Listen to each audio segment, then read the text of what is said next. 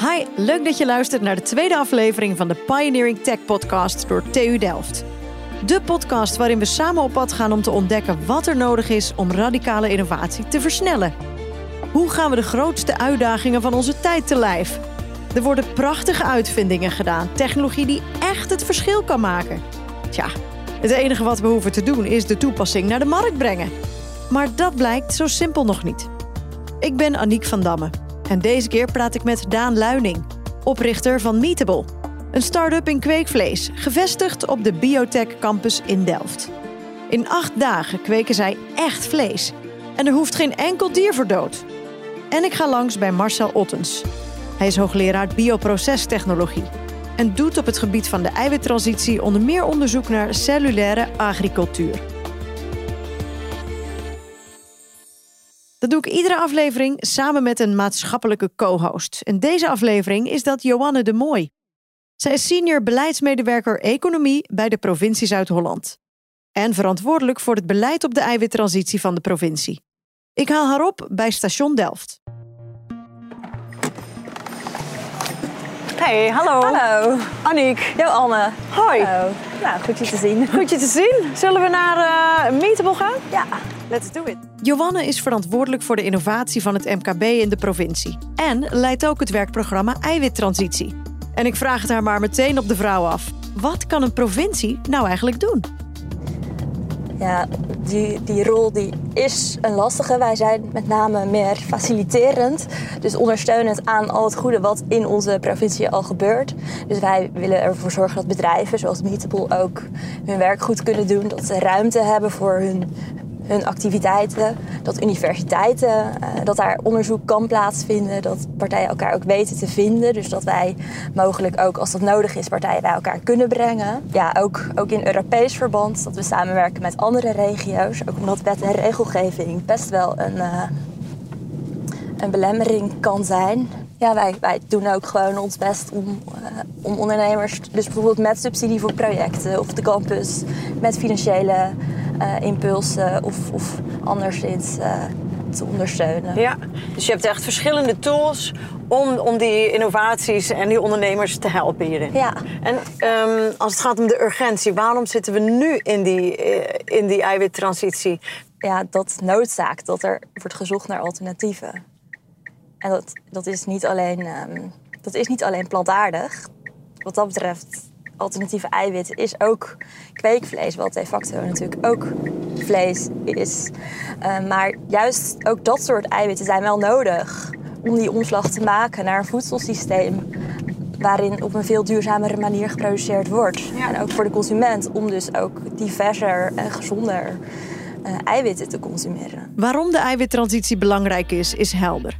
Maar welke rol speelt het ecosysteem van de Biotech Campus, waar de TU Delft en de provincie Zuid-Holland partner in zijn? Daar vindt veel onderzoek plaats en worden ook echt producten ontwikkeld. En dat is uh, met name voor gecultiveerde eiwitten of, of, kweekvlees, zoals mensen dat beter kennen. Dat is echt wel belangrijk, want die producten die liggen nog niet in de schappen. Daar, daar moet echt nog wel het een en ander gebeuren. Ja, dat vindt juist plaats op de Biotech Campus. Ja, en daarnaast uh, um, is dat ook wel een plek uh, die dus ook heel geschikt is om, om meer die aansluiting met onderwijs te leggen. Dat studenten daar bijvoorbeeld ook ervaring kunnen doen met wat daar in de labs gebeurt. Die rol wordt dus steeds belangrijker. En hoe dat er in de praktijk uitziet, gaan we zien bij Meetable. Daar aangekomen ontmoeten we Daan Luining, oprichter van deze Nederlandse start-up die kweekvlees maakt. Maar we eerst wat te drinken halen? Ja, lekker. Meetable zit natuurlijk dicht bij de TU Delft. Dus in de kantine vraag ik Daan allereerst hoe het is om met de universiteit te kunnen samenwerken. We hebben verschillende vormen van universiteit. Eén natuurlijk studenten die hier binnenkomen en ervaring opdoen om te werken binnen een organisatie. Uh, tweede is wat wij gedaan hebben met uh, de Technische Universiteit van Delft, is een lifecycle analysis laten maken. Dus kijken van hoe, ga je, werkt je proces en wat zijn de optimalisatiestappen erin. En als derde natuurlijk onderzoekprogramma's die moeten aansluiten met de behoeftes die wij hebben. Want universiteiten willen natuurlijk niet zomaar in het ronde onderzoek gaan doen. Dat wil natuurlijk gericht doen op de uh, kernvragen die wij hebben. Dus op die manier informatie uitwisselen en samen dan onderzoeksprogramma's oprichten is een andere samenwerking die we ook hebben. Wat is het grote voordeel van die samenwerking? Ehm, dat meer mensen aan het probleem werken. En hele slimme mensen aan het probleem werken. Ehm, en dat ze specialismes hebben die wij op dit moment misschien nog niet in huis hebben. Of misschien invalshoek hebben. En dat is gewoon een gemeenschap die je graag, waar, waar je graag uit wil tappen. Want universiteiten hebben een enorme hoeveelheid kennis. Uh, en een enorme hoeveelheid mensen die ze daarin opleiden. En daar wil je graag natuurlijk gebruik van kunnen maken. Om uiteindelijk een kweekvleesproduct in de supermarkt te krijgen. Daan neemt ons in sneltreinvaart mee door de laboratoria van Meatable. Om het productieproces van kweekvlees uit te leggen.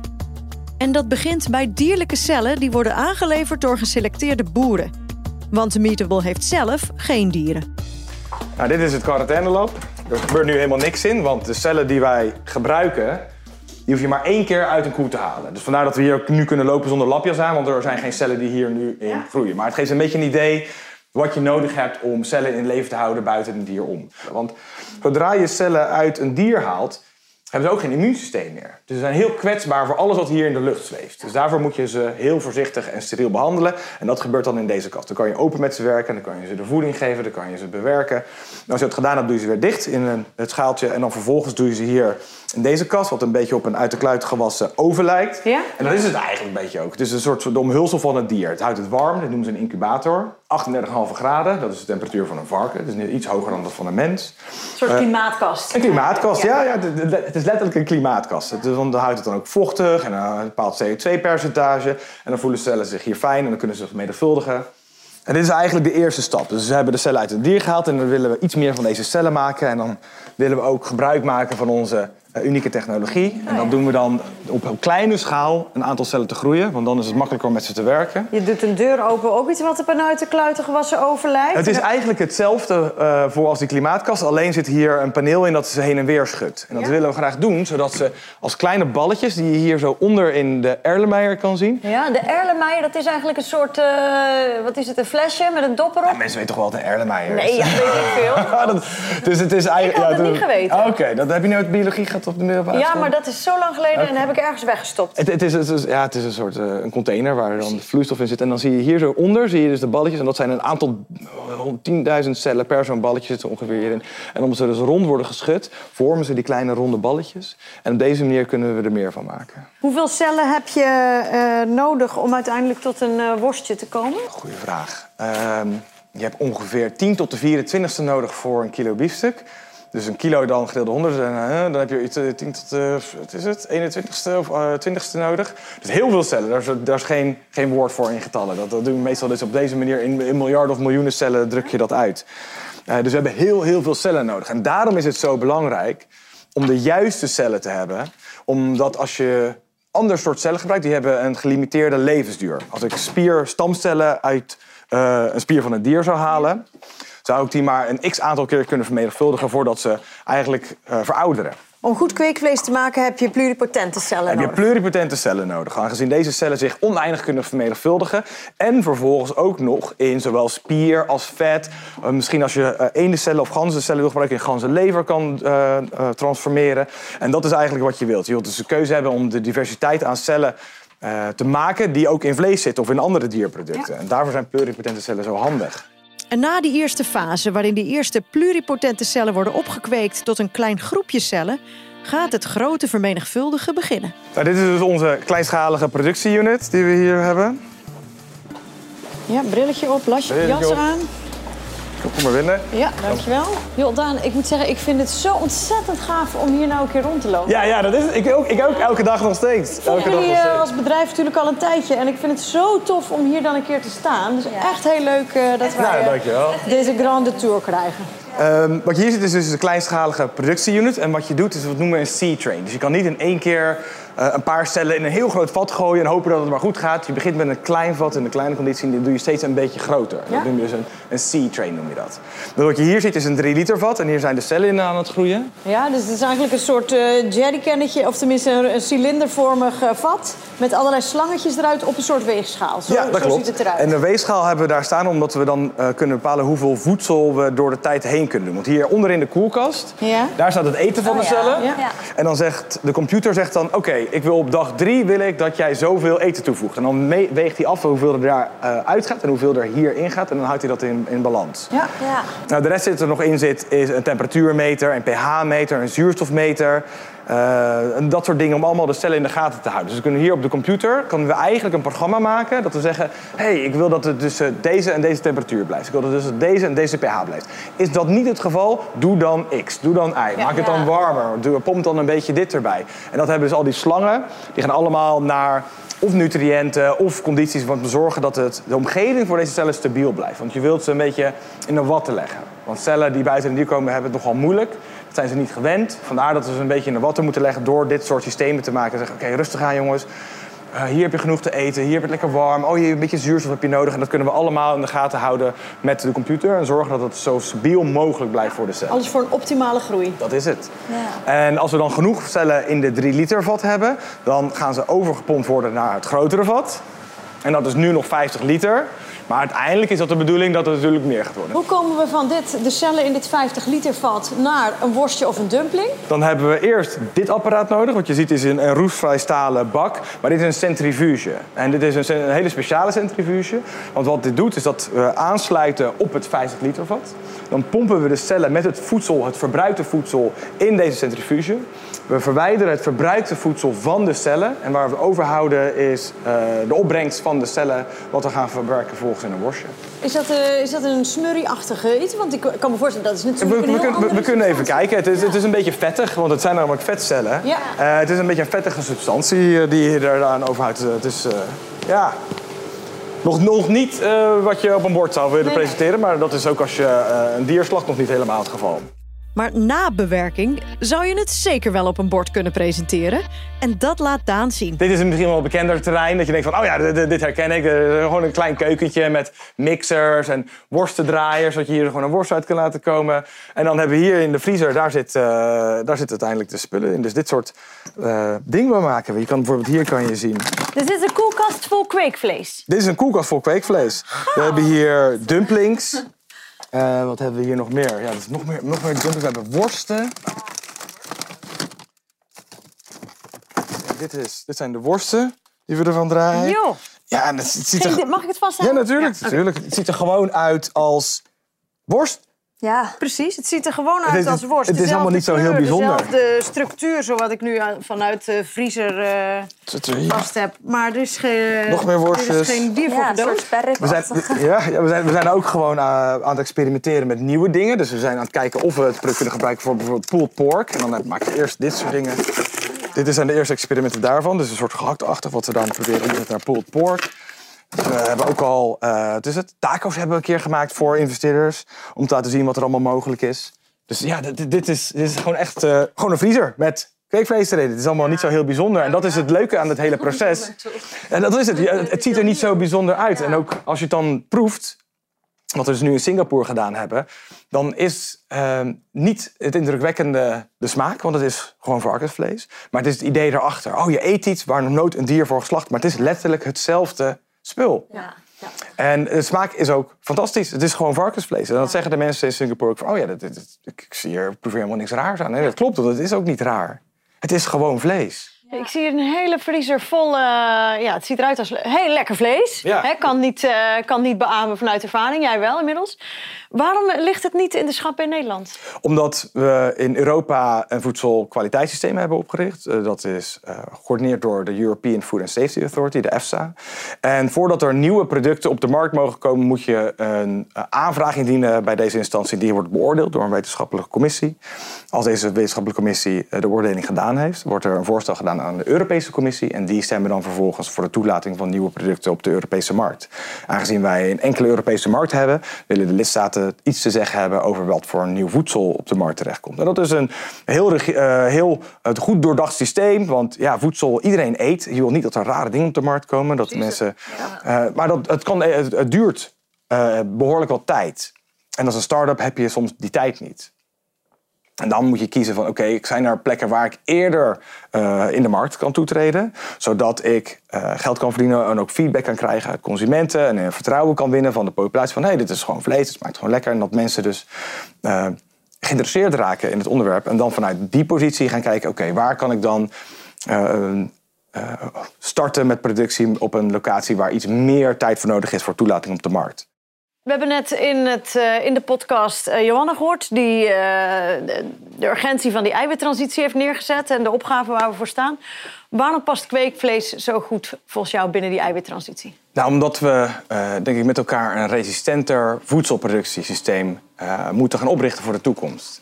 Wat we gezien hebben met vogelgriep... dat het best wel heel snel kan gaan als een voedselproductiesysteem overbelast is. Dus dat de vraag en de productieproces wat we eromheen gemaakt hebben, uh, niet resistent is als het gaat om tegenslagen.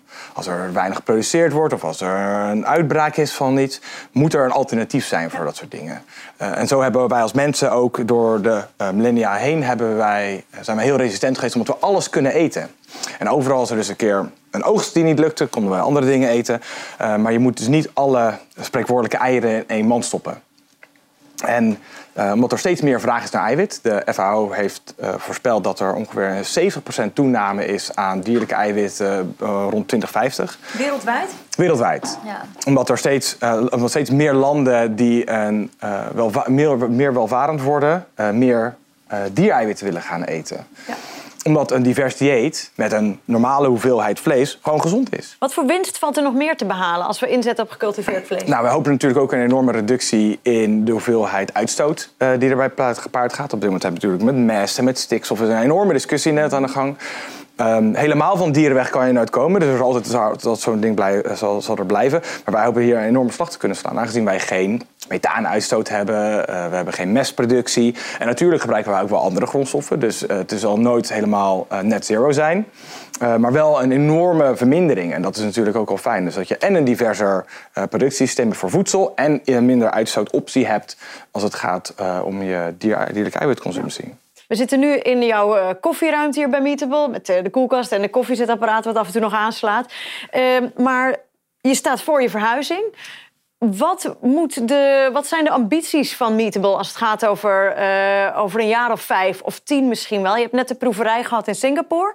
Dus de, mensen hebben daar al kunnen proeven. Het ligt nog niet in de supermarkten in Nederland of in, binnen Europa. Maar wat zijn de ambities van je bedrijf? Nou, ik wil natuurlijk zorgen dat ik een significant aandeel heb in uh, wat mensen uh, eten gedurende de dag, de week. Dat wij, als je naar de supermarkt gaat, dat je kan kiezen uh, tussen verschillende producten in plaats van of nu een plant of een dier. Maar dat je er ook daar dingen tussenin hebt zitten. En dat je op die manier je dieet kan diversificeren. En wij hopen natuurlijk door de voordelen van ons product te vertellen en aan te prijzen, dat mensen daar een keuze in kunnen maken. En dat is voor mij belangrijk. We zijn hier niet te vertellen over wat mensen wel en niet zouden moeten doen. We proberen gewoon uh, mensen een alternatief te bieden op de huidige keuzes die ze nu hebben. En dat wil voor zich vertalen uiteindelijk dat we overal ter wereld productiefaciliteiten hebben, zodat we daar in de supermarkten kunnen komen. Want er zijn drie dingen heel belangrijk als het gaat om mensen die uh, vlees consumeren. Is ten eerste smaak. Als het niet lekker is, willen mensen het niet eten. Zo simpel is het. de tweede is uh, schaal. Het moet genoeg beschikbaar zijn over de hele wereld. Want als het alleen maar uh, in Singapore beschikbaar zou zijn, ja, niemand vliegt alleen maar naar Singapore om boodschappen te doen. Uh, en de derde is kosten. Ja. Het mag niet significant veel meer gaan kosten dan vlees dat nu doet. mensen moeten gewoon toegang hebben tot gezond gevarieerd eten. En je ziet het nu ook met al, al, sommige plantaardige alternatieven. Die zijn gewoon te duur voor mensen omdat wekelijks, dagelijks in hun dieet te incorporeren. En wij willen dat dus wel voor zorgen dat dat gebeurt. Vandaar dat wij heel hard bezig zijn om dus die kosten naar beneden te drukken. En op deze manier uh, een, een kostenefficiënt alternatief kunnen bieden voor mensen die, uh, die iets uh, bewuster willen zijn over hun, hun dierconsumptie. Kostenefficiënt en aantrekkelijk. En wat had ik graag een worstje van kweekvlees geproefd? Nou, dat mag op dit moment dus allemaal nog niet in Nederland. Maar misschien als ik in de herfst van 2023 zou terugkomen, wel. Want het gonst op het Binnenhof dat het kabinet proeverijen van kweekvlees onder strikte voorwaarden mogelijk gaat maken. Na afloop, weer in de auto met Joanne, kijken we terug op het bezoek aan Meetable. Oh, ik vond dit echt zo te gek om te zien allemaal. Ja, dit was echt fascinerend. Wat vond jij het leukst om te zien? Ja, het, ik denk toch in het lab dat je dan al die kleine celletjes, die mini-celletjes in zo'n Erlenmeyer of in zo'n heel groot vat dan ziet. Ja. Dan- ja. En dan daarna al die worstjes in de koelkast. Dat dat gewoon, eh, dat dat hier in Delft dat dat gemaakt wordt. Ja, echt heel bijzonder. Jij maakt je vanuit de provincie eh, hard, voor dit onderwerp. En om innovatie te, te versnellen, te verbindingen te leggen tussen verschillende partijen. Wat zou jij nog tegen eh, collega-politici of beleidsmakers op verschillende niveaus willen, willen meegeven?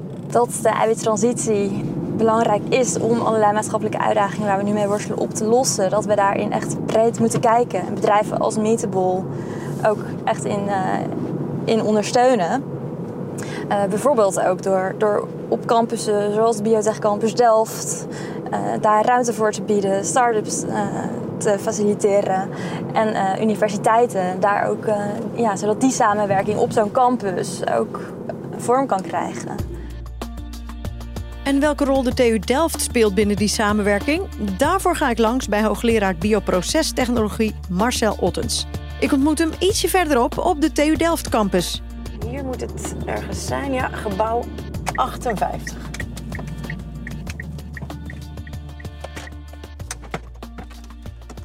Eenmaal binnen ontmoet ik Marcel in de hal. Hallo, Hallo, goedemiddag Annick. Marcel Ottens, welkom. Dankjewel. Waar zijn we op zo? Wat voor plek? Nou, we zijn hier in gebouw 58. Dat is het TNW-gebouw, Technische Natuurwetenschappen. Eh, oftewel op de campus, campus Zuid. En jullie zijn in het gebouw waar en bionano zit, en chemical engineering, maar ook biotechnologie. En we zijn hier nu bij eh, biotechnologie. We pakken wat te drinken en op zijn kantoor vertelt hij me over zijn werk en onderzoek naar de eiwittransitie. Ik ben hoogleraar bioprocestechnologie. Dus mijn rol is dan het doen van onderzoek, het eh, leiden van een onderzoeksgroep op het gebied van bioprocestechnologie. Wat voor onderzoeken lopen er op het gebied van eiwittransitie? En waarom is het zo belangrijk dat die gedaan worden? Wij gebruiken als mensheid natuurlijke hulpstoffen op zo'n manier dat we eigenlijk zeven, zes of zeven aardes nodig zouden hebben om ons daarin te voorzien. En dat kan niet, dus we lopen gewoon straks tegen de grens aan. En in plaats van de aarde uit te putten, moeten we op een bepaalde manier met de aarde omgaan zodat het eh, duurzaam is. En de manier waarop eiwit nu wordt gegenereerd of geproduceerd met behulp van dieren, dat is niet helemaal duurzaam. Nou, een understatement. Ja, zo zou je het kunnen zeggen. En het gaat eh, gepaard met veel watergebruik. Dus ja, je hebt een grote environmental footprint. En er zijn life cycle assessment studies nagedaan, ook van CE Delft. En dan kun je zien, als je het afzet, de verschillende productiemethodes tegen elkaar, nou, wat voor een impact dit dan heeft. En in de eiwittransitie dan moeten we meer van dierlijke eiwitten naar plantaardige eiwitten. Maar een andere manier is ook met behulp van eh, cellen. Dus het zijn eh, dierlijke cellen of micro-organismen. Dus je kunt met micro-organismen kun je ook eiwitten produceren. Dat heet dan eh ja, eiwit of single cell protein. Eh, en dat heeft een veel lagere eh, ja, milieu-footprint dan het met behulp van dieren te doen. Dus dat is één lijn. En de andere lijn is wat we dan cellulaire agricultuur noemen, of bijvoorbeeld met kweekvlees, dat je dat probeert op te kweken. En dan heb je het dier zelf niet nodig, maar je gebruikt alleen de cellen uit eh, een dier om daarmee vlees te genereren. En dus dat heeft ook een veel lagere footprint. Ja. Hoe, hoe kijk je zelf naar de ontwikkeling van eh, gecultiveerd vlees of naar de, naar de mogelijkheden ervan? Word je er enthousiast van? Ik word er enthousiast van in die zin van eh, dat we een, ja, een groot probleem zouden kunnen oplossen. En dat is ook de reden waarom Marcel een voorstel indiende bij het Nationaal Groeifonds. Namelijk om de ontwikkeling van kweekvlees vleugels te geven. Marcel stond trouwens aan de wieg van het Nationaal Groeifonds. Waarmee de overheid tot en met 2025 21 miljard euro investeert in onderzoeks- en businessprojecten die zorgen voor economische groei voor de lange termijn. Met dat geld kan een hele keten worden opgezet tussen universiteiten, overheid en het bedrijfsleven om innovaties levensvatbaar te maken. Het onderzoek naar kweekvlees en het ontstaan van first movers, zoals Meatable, is daar een succesvol voorbeeld van. Dus dat is een kans voor Nederland om zich te onderscheiden van de rest van de wereld. En om van Nederland een ecosysteem te maken waar deze start-ups zo graag naartoe zouden willen. Dus ook buitenlandse start-ups. Maar dat je hier alle faciliteiten hebt, dus goed opgeleide uh, studenten in dit werkveld, goede wet en regelgeving, ook toegankelijke open opschaalfaciliteiten, wat ik net ook al zei. Hè, dus vele kleine partijen die kunnen wel iets maken in het lab, maar om het op groot, grote schaal te maken, daar hebben ze de faciliteiten niet voor. Dan is die grote pot met geld een uitkomst om daarin te kunnen ontwikkelen. Inderdaad. Er wordt wel, worden wel zaken ontwikkeld, ook vanuit de industrie, maar dat is niet gespiegeld in de publieke organisaties. Dus wat wij willen, is die ontwikkelingen ook bij universiteiten en hogescholen te laten plaatsvinden, zodat we ook arbeidskrachten kunnen opleiden, eh, goed opgeleide arbeidskrachten, en kunnen bijdragen aan de ontwikkeling van dit veld. Een toepassingsgerichte benadering dus. Ja, dan kan het niet anders dan dat de TU Delft, als het gaat om kiezen waar je onderzoek naar laat doen, laat meewegen of er mogelijk innovaties uit voortkomen die maatschappelijk kunnen worden uitgerold. Precies, precies. En wij zijn, wat wij hier doen, dat is uh, uh, uh, applicatie georiënteerd fundamenteel onderzoek. Zo noemen we dat. En we proberen, wat ik al zei, met de TU Delft impact for society te maken. Dus we kijken naar de grotere vraagstukken in, in de maatschappij. Ja. Dus veroudering bijvoorbeeld. Nou, daar kunnen we met ons uh, farmaceutisch onderzoek iets aan doen. Uh, voedsel, dat je voldoende voedsel hebt. Uh, dus daar zouden we iets aan kunnen doen met deze nieuwe manier van eiwitten produceren. Nou, dat zijn twee voorbeelden hoe we tot onderzoeksprojecten komen. Ja. En natuurlijk heb je daar of geld voor nodig. En we zagen bij, uh, bij cellulaire agricultuur, dus kweekvlees, dat daar niet, daar is niet echt geld voor, wel met NWO wat, maar niet op een gefocuste, gestructureerde manier. Dus hebben we besloten om dat zelf op te gaan zetten. En zelf een heel groot onderwijs, onderzoeks- en innovatieprogramma op te zetten. Ik hoor, ik hoor je beschrijven, nou, we hopen er eigenlijk mee Nederland een soort voorsprong te geven, ook uh, op dit op onderzoeksgebied. Uh, toch horen we ook van Meetable dat ze juist naar Singapore gaan, omdat het uh, Europees breed niet, niet erdoor komt. Hoe, hoe, hoe, kijk je naar die ontwikkeling? Ja, het komt er niet door. Er is een bepaald aspect dat het er niet doorkomt. En dat is de regelgeving. Dat is nou, die is niet zo ver dat we dit al mogen uh, consumeren. Maar er zijn maar een paar plekken in de wereld waar het wel kan. Hè. Dus er gebeurt meer in de wereld. Dus Europa gebeurt wat, Amerika natuurlijk en ook uh, Israël. Maar ook in Singapore. En bij Singapore hebben ze voor bepaalde producten wel toestemming gegeven om het uh, te consumeren. Dus partijen die hier zaken ontwikkelen, maar niet naar de markt kunnen, ja, die zullen dan naar een andere markt gaan. Wat betekent dat nou voor Nederlandse innovaties als, als het hier toch moeilijk van de grond komt? Nou, dat is natuurlijk remmend. En dat proberen we ook uh, wel aan te geven dat, dat hier wel stappen gemaakt zouden moeten worden om dat in ieder geval mogelijk te maken.